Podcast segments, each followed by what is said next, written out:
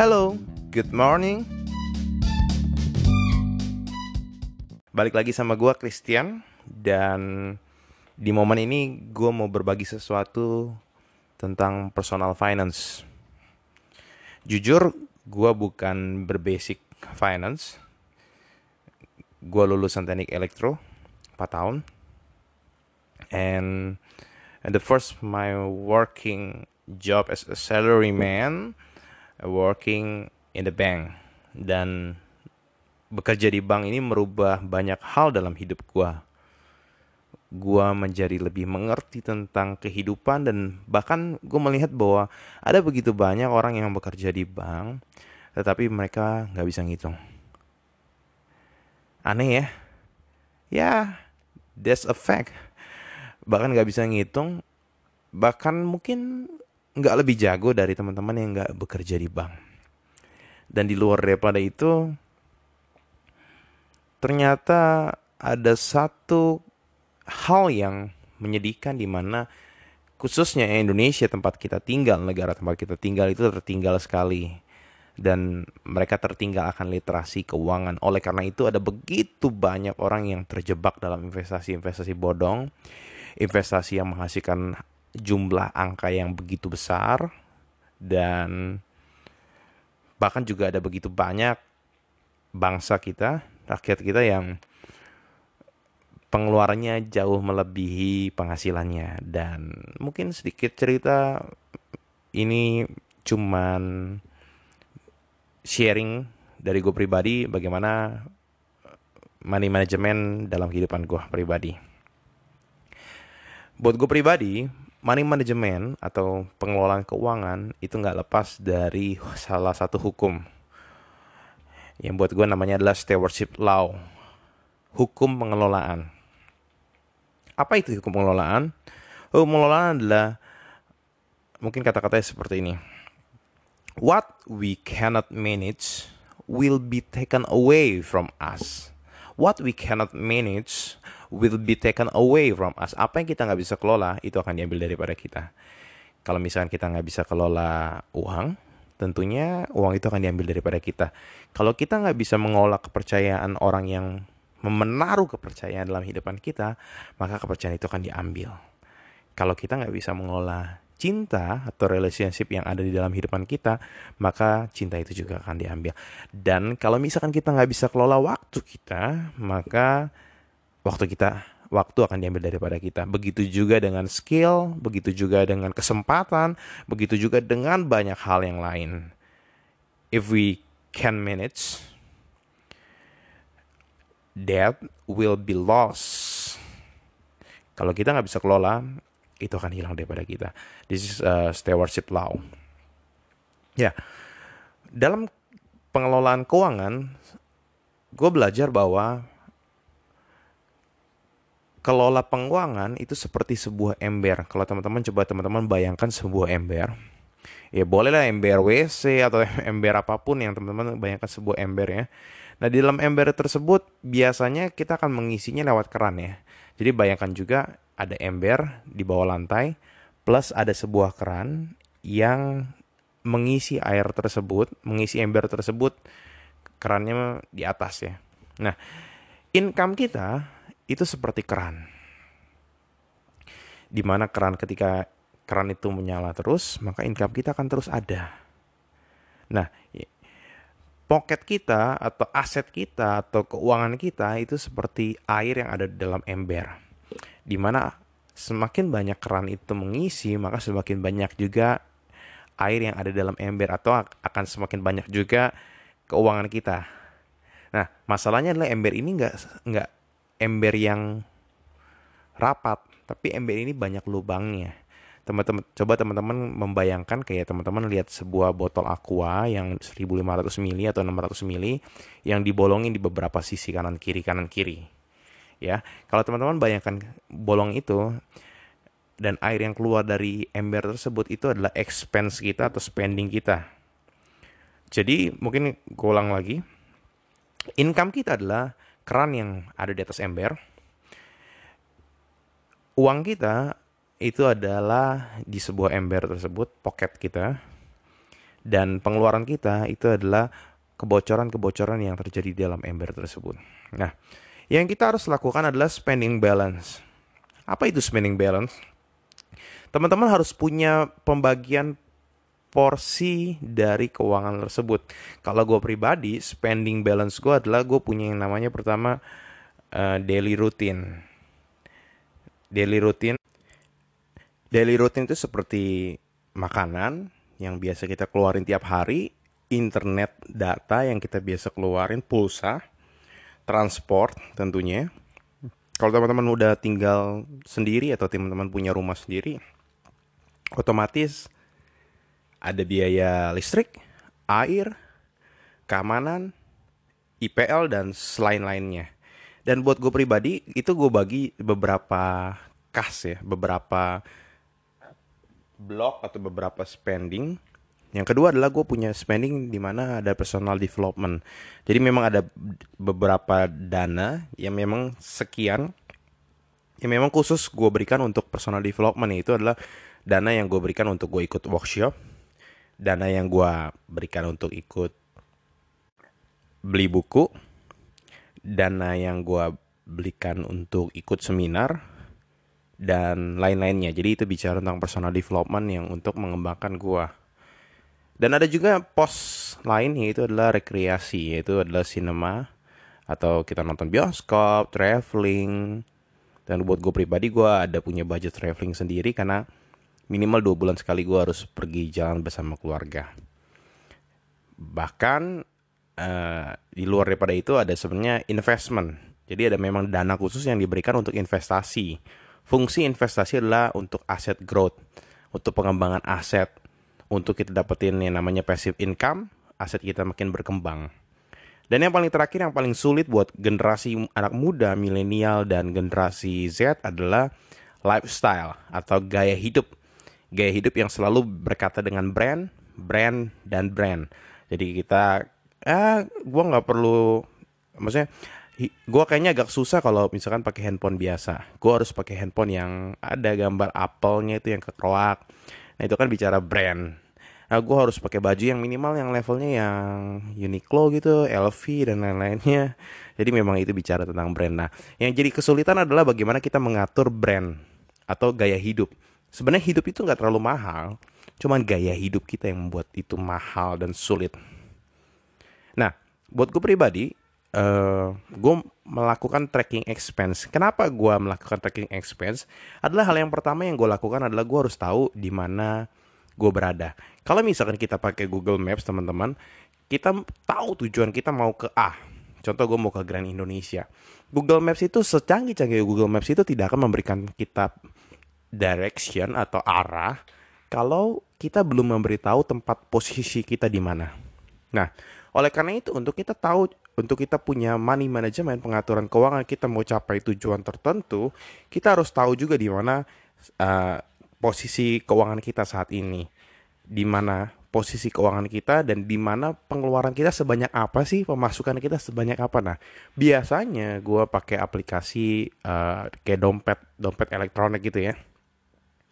Bukan ngomongin OVO, Dana dan GoPay, tapi ini bicara tentang aplikasi sendiri dan biasanya yang gue selalu yang gue sering pakai adalah uh, aplikasi yang teman-teman bisa download di Google Play Store. Gue nggak tahu apakah di, ada di App Store namanya Money Lover. Ada begitu banyak sebenarnya ada namanya um, Money Manager, ada Moneyfy, Money Manager, Moneyfy Pro, Walletku dan lain-lainnya. Itu semua free buat teman-teman. Mungkin sebenarnya premium ya. Jadi uh, ketika teman-teman pakai yang free, ada beberapa hal yang teman-teman nggak bisa dapatkan. Nah, di situ yang biasa gue lakukan adalah gue men-tracking pengeluaran gue tiap hari. Misalkan gue beli makanan non di Yoshinoya hari ini gue masukin 2005 45 ribu Yoshinoya makan gue bayar parkir gue masukin di situ gue beli bensin gue masukin segitu dan lain-lainnya setiap pengeluaran gue sekecil apa pun itu gue catat dan ini membutuhkan disiplin nggak semua orang memang mampu melakukannya tapi buat gue pribadi kalau teman-teman pengen tahu sebenarnya teman-teman ada posisi di mana teman-teman bisa pakai ini Dan ketika teman-teman sudah melakukan ini secara setia atau teman-teman bisa lakukan be beberapa bulan, teman-teman akan bisa lihat tracking history teman-teman. Sebenarnya tiap bulan nih teman-teman keluar berapa sih sebenarnya? Sebenarnya pengeluaran terbesar teman-teman tuh di mana sih? Kalau pengeluaran terbesarnya itu bicara tentang gaya hidup lagi, teman-teman bisa kurangi spending tersebut. Jadi simpelnya seperti yang tadi kita ngomong bahwa kehidupan kita itu uh, money management itu adalah seperti ember dan keran dan ada kebocoran. Jadi gampangnya adalah kalau teman-teman pengen mengatur keuangan adalah teman-teman bisa memperbanyak kerannya atau teman-teman memperbanyak income-nya. Bagi para teman-teman yang menjadi karyawan atau salaryman, teman-teman bisa punya side job gitu Sabtu dan Minggu teman-teman bisa mengerjakan sesuatu atau mungkin juga teman-teman bisa um, berinvestasi, teman-teman bisa melakukan segala sesuatunya. Tapi bisa juga teman-teman mengurangi kebocoran-kebocoran yang ada, yaitu adalah yang biasa keluarnya satu juta itu gara-gara nonton bioskop empat kali dalam sebulan nih teman-teman bisa kurangin lah cuma dua kali atau yang teman-teman biasa makannya itu sering ke nongkrongnya di Starbucks teman-teman ya bisa nongkrong lah di tempat-tempat yang lebih murah di kopi-kopi yang standar gitu. Nah, itu yang kita bisa lakukan. Nah, fungsi money lover ini menarik sih buat teman buat buat kita. Buat gue pribadi, di sini kita bisa masukin pemasukan kita berapa dan pengeluaran kita per hari berapa. Kita bisa uh, kayak di dirangkum di dalam sebuah satu kategori. Jadi selama sebulan kategori pengeluaran kita yang di makanan tuh berapa banyak sih? Pengeluaran kita yang di minuman berapa banyak sih? Pengeluaran kita di pakaian itu ada berapa banyak sih? Itu yang kita bisa atur di dalam money lover tersebut. Dan alat itu gue manfaatkan atau aplikasi itu gue manfaatkan untuk mengetahui dan tracking pengeluaran gue dan beberapa tahun ini gue pakai dan ini sangat memuaskan. Gue bisa mengatur pengeluaran gue bisa sampai di satu titik tertentu dan itu bisa cukup stabil dari dulu sampai sekarang. Itu yang yang mungkin teman-teman bisa pakai atau teman-teman bisa contohkan. Nah, hari ini kita lanjut lagi, kita akan belajar ke saving dan investment. Jadi kita ngomong saving dan investment. Banyak orang ngomong katanya yuk nabung yuk, nabung yuk, nabung yuk. Dan setiap kita mungkin udah punya tabungan karena setiap kalau misalkan kita bekerja atau teman-teman kuliah, teman-teman pasti kan ada punya rekening bank yang teman-teman buat atau teman-teman diharuskan buat.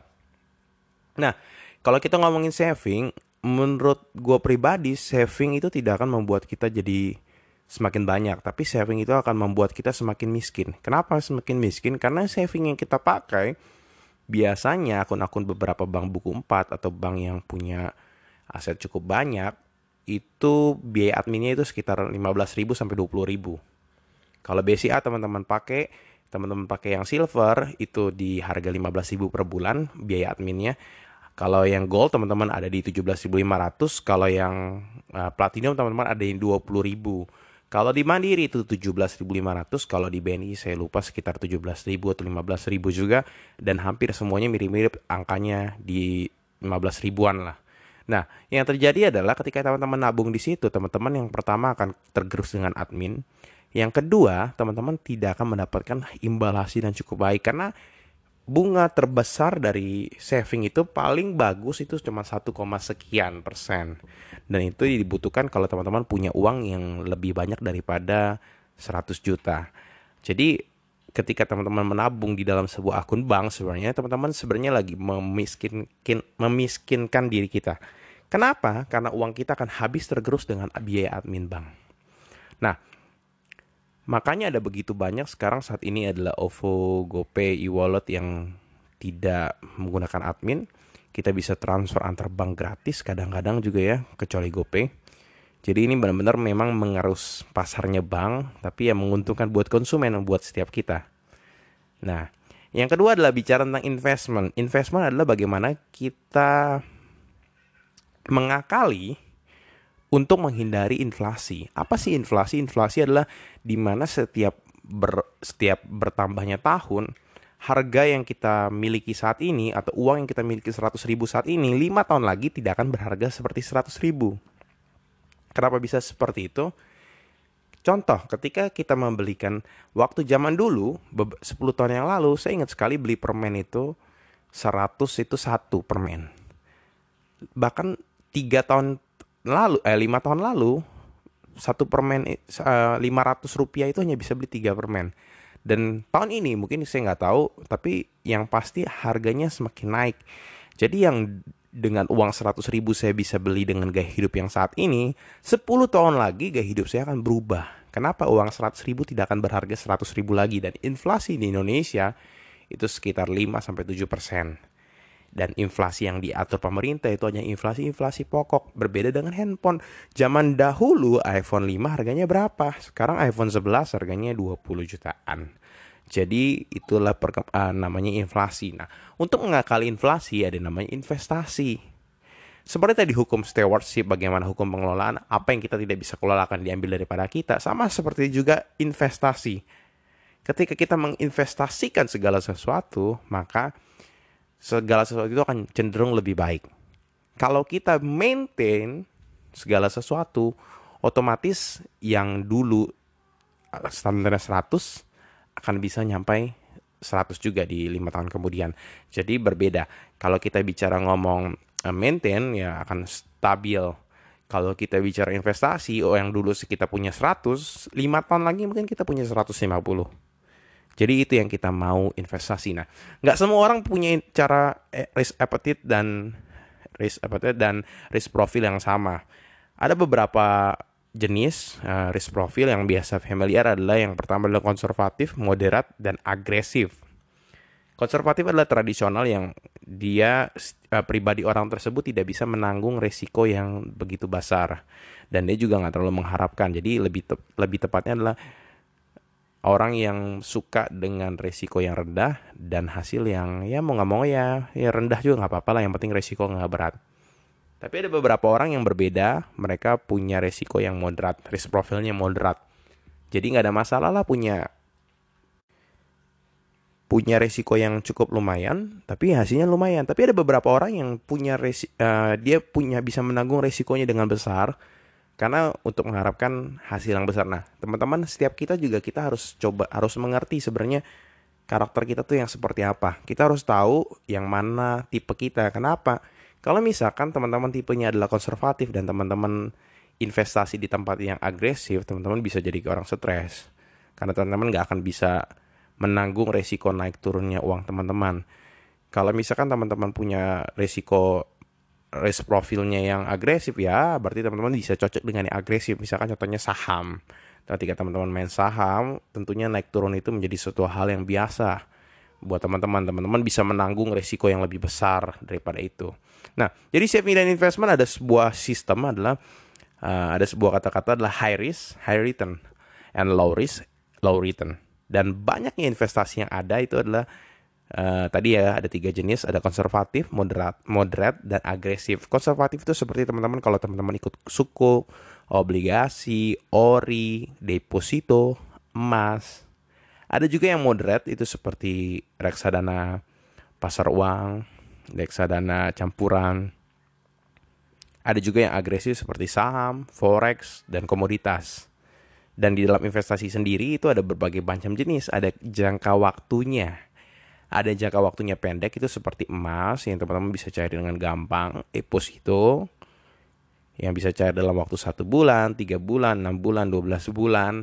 Ada juga yang modelnya kayak saham juga. Jadi saham juga bisa di jangka pendek. Cuman sebenarnya saham jangka pendek nggak nggak tepat sih ya. Saham itu biasanya di jangka panjang. Karena kalau jangka pendek volatilnya bisa bisa naik bisa turun. Dan ketika teman-teman jual turun ya mengerikan dan yang kedua adalah bicara tentang jangka waktu menengah di situ ada reksadana P2P lending dan juga P2P lending pun ada yang jangka waktunya pendek ada yang jangka waktunya panjang jadi banyak jenis dan kalau misalkan teman-teman yang suka yang jangka waktunya panjang teman-teman bisa beli obligasi, rumah atau tanah, dan juga saham. Nah, selanjutnya kita akan lanjut belajar lagi. Buat gue pribadi, ada yang namanya passive income dan active income. Nah, setiap kita, banyak di antara kita itu melakukan active income. Dan biasanya ketika orang baru lulus atau beberapa tahun yang mengambil keputusan untuk menjadi karyawan, itu biasanya aktif income atau beberapa waktu yang memutuskan untuk bekerja atau berusaha membuat usaha sendiri biasanya aktif income. Aktif income adalah income atau penghasilan yang dihasilkan dari kita bekerja atau kita melakukan sesuatu. Tapi ketika kita tidak melakukan hal tersebut, kita tidak dibayar. Contohnya adalah karyawan. Kalau karyawan nggak masuk kerja, apakah dia dibayar? Tidak tentunya. contohnya profesional teman-teman jadi uh, lawyer teman-teman jadi dokter menjadi konsultan itu profesional semua jadi semuanya menghasilkan active income ada lagi yang yang kedua adalah passive income dan inilah yang kita harus kejar saat, saat ini yaitu adalah bicara tentang kita bisa menghasilkan uang tanpa perlu kita harus menukarkan waktu kita. Contohnya adalah pengusaha yang punya usaha yang sudah autopilot. Pemain saham.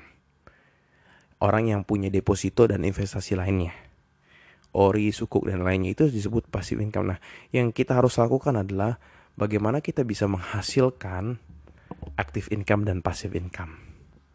Dan yang kita harus kejar adalah bagaimana kita bisa menghasilkan passive income lebih banyak. Dan itu yang kita harus pelajari lebih lagi dan lebih lagi. Dan dan buat gue pribadi ada satu hal yang luar biasa yang memacu atau mungkin sebelumnya kita bahas what driven you, apa yang mendorong kamu. Dan ini juga menjadi sebuah pertanyaan, apa sih yang mendorong gue untuk berinvestasi dari sejak muda? Apa yang mendorong gue mulai aktif belajar? Apa yang mendorong gue menikah lebih muda dan lain-lainnya. Dan cobanya adalah compounding interest. Apa sih itu compounding interest? Kalau buat kata Albert Einstein, keajaiban dunia ada tujuh dan inilah adalah keajaiban dunia ke-8 di mana uang kita bisa berlipat, berlipat dan berlipat. Kalau teman-teman tahu Warren Buffett, keuntungan keuangnya uh, asetnya yang paling besar itu adalah 10 tahun terakhir dalam hidupnya. Sedangkan sebelum-sebelumnya dia masih ya istilahnya sudah beruntung juga sudah menghasilkan cukup banyak tapi uangnya itu berkembang ketika 10 tahun terakhir. Nah, saya punya uh, eh, gue pribadi punya dua contoh. Gue sebut aja namanya yang pertama adalah Haidar. Haidar adalah seorang yang masih muda, umur 22 tahun, hidupnya single, tinggal dengan keluarganya sehingga dia tidak perlu mengeluarkan banyak uang. Dan juga dia baru lulus fresh graduate. Yang kedua adalah seorang yang namanya Hendy, umurnya 30 tahun, sudah menikah, tinggal di rumah sendiri dan profesional. Jadi ada dua hal yang berbeda ya. Hedar 22, Hendy 30, Hedar single, Hendy menikah, Hedar tinggal dengan keluarga, Hendy tinggal di rumah sendiri, Hedar masih baru kerja, tapi Hendy sudah bekerja cukup lama. Nah, kedua orang ini mulai belajar berinvestasi atau kita sebut menabung awalnya ya. Menabung di sebuah bank ABC, namanya bank ABC. Nah, yang terjadi adalah Hedar dia menabung dari umur 22 tahun dan tiap tahun dia menabung secara konsisten. Jadi hanya menabungnya setahun sekali ya. Dari umur 22 sampai umur 40 atau Hedar menabung selama 19 tahun. Oke, yang kedua adalah Hendy, dia menabung dari umurnya yang umur 30. Jadi bedanya cuma 8 tahun ya. Heather menabung umur 22, Handy menabung di umur 30. Cuman kalau tadi Heather nabung cuma 19 tahun dari 22 sampai 40, Handy menabung 41 ta 40 tahun dari umur 30 sampai 70 tahun. Jadi ada sekitar 41 tahun ya, 41 tahun. Jadi Handy menabung 41 kali lebih eh dua kali lebih banyak daripada Haidar. Nah, jadi di sini gue mengebuat gambar bahwa setiap tahun uang yang diinvestasikan itu berkembang sebanyak 10%. Jadi dan mereka menabung sama jumlahnya 10 juta, 10 juta, 10 juta. Jadi mungkin diilustrasikan teman-teman bisa membayangkan saja Hedar di umur 22 dia nabung 10 juta di umur 23 10 jutanya tadi sudah berkembang menjadi 11 juta. Plus di umur 23 dia konsisten juga menabung 10 juta lagi. Akhirnya uangnya dia di umur 23 itu udah 21 juta. Dan begitu begitu pula lanjut di umur yang 24, 21-nya jutanya sudah 21 juta itu sudah berkembang jadi 23 juta 100 rupiah. Dan Heda tetap menabung 10 juta dan begitu terus selanjutnya. Tetapi Haidar di umur 40 dia sudah tidak menabung 10 juta tiap bulannya. Tetapi uangnya tetap ada di investasikan di dalam bank ABC tersebut dan punya invest return adalah 10%. Berbeda dengan Handy yang dia menabung umur 30 10 juta Di umur 31 uangnya sudah menjadi 11 juta plus dia nabung 10 juta lagi. Jadi total di umur 31 21 juta. Jadi sama seperti Haidar. Tetapi yang terjadi adalah ketik si Hendy dia menabung terus sampai seumur hidupnya sampai di umur 70.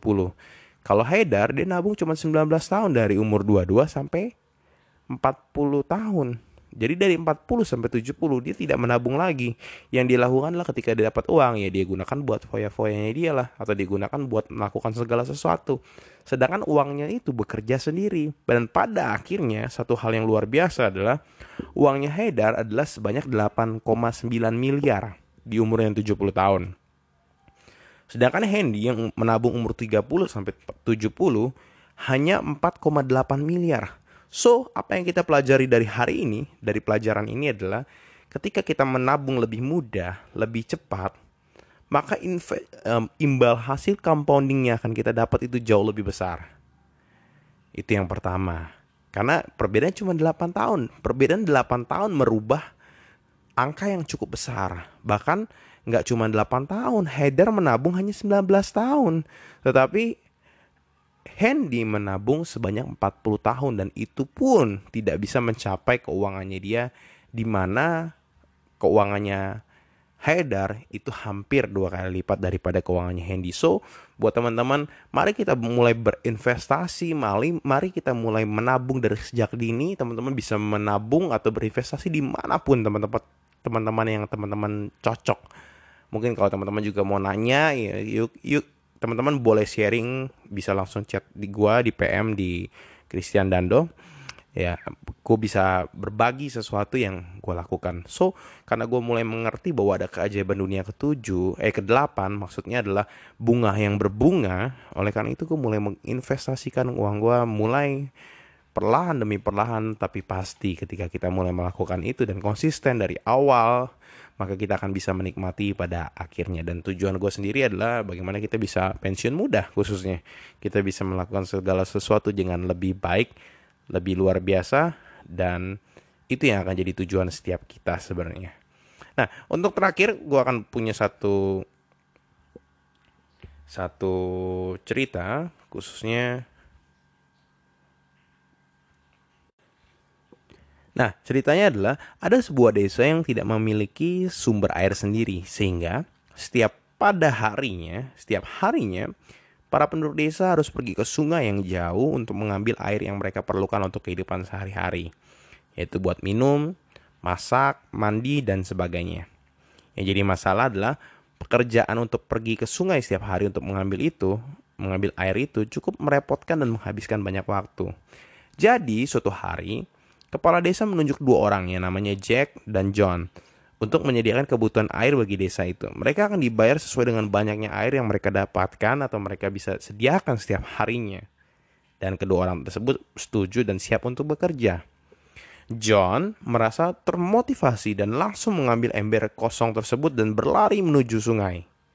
Dia mengisi ember tersebut dengan air dan kembali ke desa dan ketika nyampe di desa, dia akan mengosongkan embernya ke sumur yang sudah dia gali sebelumnya.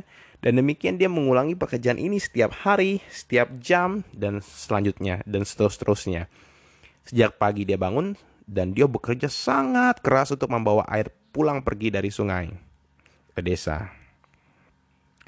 Penduduk desa sangat menyukai pekerjaan John, karena mereka nggak perlu lagi pergi ke sungai setiap hari Bahkan mereka meminta John untuk membawa persediaan air lebih banyak setiap harinya. Jadi sekarang John menggunakan dua ember untuk mengambil air dari sungai ke desa. Dia bekerja lebih keras setiap harinya tetapi dia pikir itu wajar karena dia dibayar lebih. Kadang-kadang ketika membawa air dari sungai ke desa, John memikirkan apa yang dilakukan Jack selama ini. Terakhir kali John melihat Jack, Jack cuman sibuk berbicara di depan telepon. Ah, gue nggak peduli kata John kepada dirinya sendiri. Gue melakukan yang benar dan gue mendapatkan bayaran tiap harinya. Saya nggak peduli atau gue nggak peduli siapa yang Jack lakukan. Suatu hari tiba-tiba ada begitu banyak truk yang datang ke desa. Ternyata truk-truk tersebut membawa banyak pipa sesuai instruksi Jack. Dengan pipa-pipa tersebut Jack mem membuat saluran air dari sungai ke desa. Dan ketika konstruksi selesai, Jack memanggil seluruh penduduk desa untuk menyaksikan peluncuran resmi sistem pengadaan airnya. Dan ketika semua orang berkumpul di sekitar sumur, Jack berkata, "Terima kasih atas kedatangan semuanya dan terima kasih untuk kesabaran Anda menunggu datangnya hari ini. Saya sudah merencanakan dan membangun sebuah sistem pengadaan air ini untuk kita semua. Persediaan air ini dua kali lebih bersih daripada apa yang dijual John dan harganya setengah dari harga air yang dijual John. Dan lebih hebat lagi, persediaan air ini tidak terbatas. Anda dapat membeli sebanyak apa yang Anda mau. Dan ketika mengetahui betapa murahnya dan bersihnya air dari Jack, seluruh penduduk desa mulai membeli air dari Jack daripada membeli dari John. John terkejut, John terpukul, dan ketika menyadari bahwa pekerjaannya yang aman dan stabil sekarang terancam, dia juga tahu bahwa dia harus meningkatkan kualitas airnya dan juga mengurangi harganya. Jadi dia menggunakan tutup pada mebelnya, pada embernya untuk menjamin tidak ada daun atau kotoran yang masuk selama proses pengiriman. Tapi tutup ember ini menambah beban dari ember air yang sudah berat itu. John juga mengurangi harga jual airnya supaya dapat bersaing dengan Jack. Hal itu juga berarti mendapatkan penghasilan yang sama seperti sebelumnya. Dan hal itu berarti untuk mendapatkan penghasilan yang sama seperti sebelumnya, John harus menjual lebih banyak lagi air. Jadi ia menyuruh anak-anaknya untuk membantunya. Sekarang setiap harinya, John dan tiga anaknya harus bangun pagi-pagi dan bekerja sepanjang hari untuk menyediakan air bagi penduduk desa. Sayangnya, setelah beberapa bulan, anak-anak John mulai merasa lelah dengan pekerjaan ini dan meninggalkan John seorang dirinya. Berbeda dengan John, Kini Jack adalah seorang yang berbahagia karena penduduk desa tidak pernah berhenti memujinya lantaran airnya yang bersih dan murah. Dia memberikan nilai tambah kepada desanya. Dia juga sukses secara finansial karena menerima pendapatan setiap harinya dari air yang mengalir lewat pipanya. Dia bahkan memiliki rencana untuk memperluas jaringan persediaan airnya ke desa-desa lain. Ketika semua itu terlaksana, dia tahu bahwa penghasilannya akan meningkat dua atau tiga kali lipat. Dan itu yang paling menyenangkan bagi diri dia adalah dia dapat memiliki banyak waktu untuk menikmati hidup bersama keluarga yang dicintainya. Dan pertanyaannya adalah, mana yang kamu pilih? Mau hidup seperti John atau mau hidup seperti Jack? Apakah kita mau bawa ember sepanjang hidup kita, bekerja lebih keras, lebih keras lagi, lebih keras lagi, atau kita mau fokus membangun pipa-pipa penghasilan kita? Dan ketika pipa-pipa itu sudah selesai, kita bisa duduk santai dan menikmati hidup dengan orang yang kita cintai. Buat teman-teman gimana? Kalau buat gue pribadi, gue mau memilih Jack. Dan itu yang gue lakukan sampai saat ini. Gue menggaya, seberapa banyaknya gaya hidup gue, gue akan gak akan terlalu banyak menaikkan gaya hidup. Fungsinya adalah uang yang gue hasilkan itu akan gue investasikan dan suatu kali ada suatu waktu gue mencapai satu titik tertentu dan dapat bisa menghasilkan sesuatu, asetnya bisa menghasilkan passive income dan gue bisa melakukan pensiun dini dan melakukan aktivitas yang lebih baik lagi. So, begitu aja sih buat teman-teman. Mungkin kita bisa sharing lebih lagi. Teman-teman bisa langsung DM dengan uh, eh, DM ke Christian Dando langsung. Kita akan sharing lebih banyak lagi dari situ. Oke, okay, thank you. God bless you.